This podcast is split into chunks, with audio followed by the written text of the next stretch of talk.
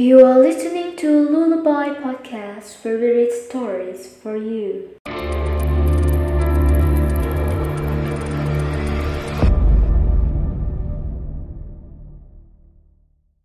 This is the Lullaby Podcast. I'm your host, Dula Chi. Welcome to our third episode. Today's story is Saluang, written by Nadila Chipi. Also, in today's episode, I will present the story to all of you in two language. If you like what you hear, don't forget to subscribe to be notified of our future episodes. Well, let's get started. Enjoy! There once was a boy named Saluang who lived in the village of West Sumatra. Pada zaman dahulu kala, ada seorang anak laki-laki bernama Saluang yang tinggal di sebuah desa di Sumatera Barat. One day, he heard that the village yearly gathering would be held soon. He was so excited to meet all the people but suddenly, he remembered that the gathering was always so plain every year. So he promised himself that he would do something different in this year's gathering. Suatu hari, dia mendengar bahwa perkumpulan tahunan desanya akan segera diadakan. Ia sangat bersemangat untuk bertemu dengan orang-orang. Namun, tiba-tiba ia teringat bahwa perkumpulan itu selalu terasa hambar setiap tahunnya. Maka dari itu, ia berjanji pada dirinya sendiri bahwa ia akan melakukan suatu hal yang berbeda di perkumpulan tahun ini. Several days later, when he played along the river bank all alone, the wind suddenly blew strongly. He immediately took shelter in a nearby cave. When he arrived at the cave's entrance, he heard a melodic song from inside. Anybody there? He shouted loudly, but to no avail. When he got a little closer to the source of the sound, he saw a few small pieces of bamboo lying on top of a big stone.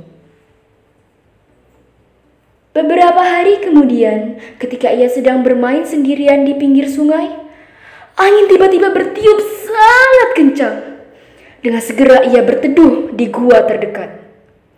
Saat ia sampai di mulut gua, ia mendengar suara melodi dari dalam gua. Apakah ada seseorang di sana? Dia berteriak dengan kencang namun tidak ada balasan. Ketika ia mulai mendekat ke sumber suara, ia melihat beberapa bambu kecil tergeletak di sebuah batu besar. Soon after, he realized that the melodic sound he heard before came from a hole in one of the bamboo there. Aha! I got an idea for this year's gathering. He smiled brightly.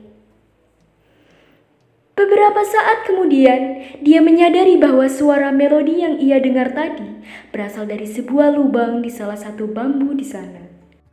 Aha! Aku punya ide untuk perkumpulan tahun ini.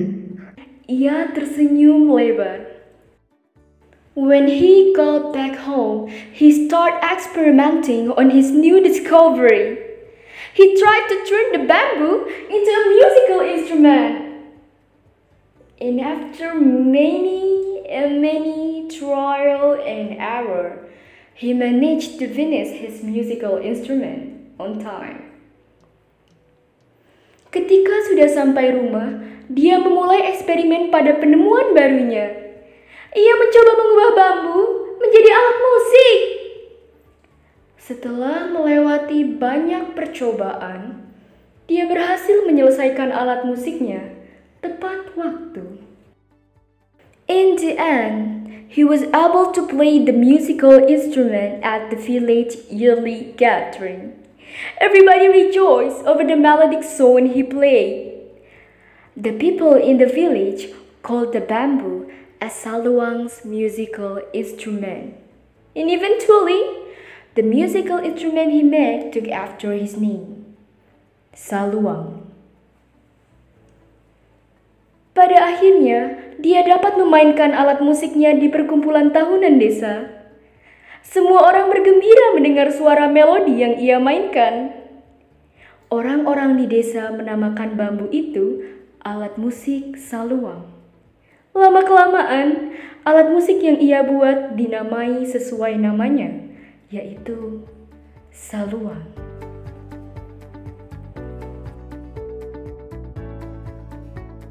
That was our third story, Saluang, and we arrive at the end of today's episode.